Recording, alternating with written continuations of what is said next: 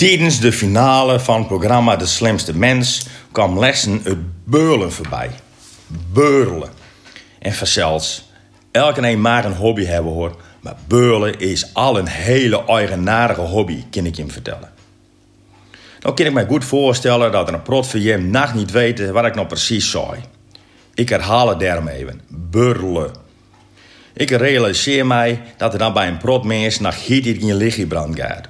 Krijgt dus bij die finalist in de slimste mens. Beurlen. Ik heb het even opzocht wat er als betekenis bij staat.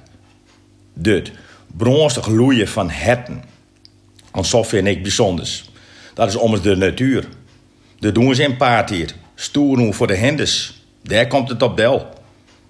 Maar wat het mij omgaat, is dat er mensen binnen die als hobby beurlen hebben.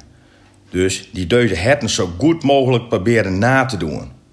Ga weg je, dan maakt ons een bak wies. Nee, echt niet. Dit is echt een hobby. En voor een aantal ook een hele serieuze, heb ik begrepen. Er is zelfs een NK-burlen, een Nederlands kampioenschap burlen. Dan komen alle imitators bijnander en dan wordt er bepaald wie de beste beurlen kan. Je zou in elk moment verwachten dat Ralf Inba junior de voorschijn commercieel die naar de plak wies der de camera verschuild is. Maar toch is het echt waar. Ze proberen allegaar zo dicht mogelijk in de buurt te komen van het het Humbertus. Want die scheen het allerbeste beurlen te kennen van alle herten in heel Nederland. De Abel Lenstra onder de beurlende herten, zeg maar zeggen.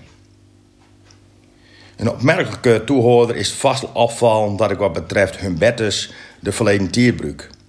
Want Humbertus is dood. Oh, ja jong.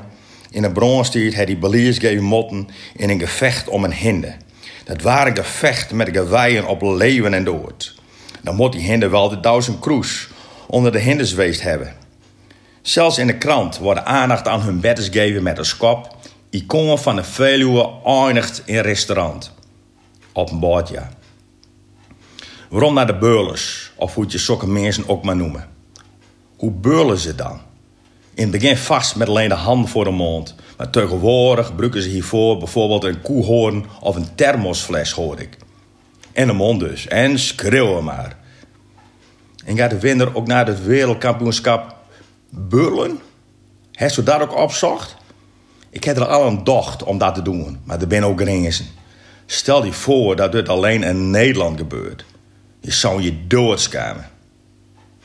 Ik hou nou maar op, want het begint mij zo starig aan in de billen om te burlen. Voordat je het weet, begin ik op radio te burlen. Dat wil ik je niet aandoen.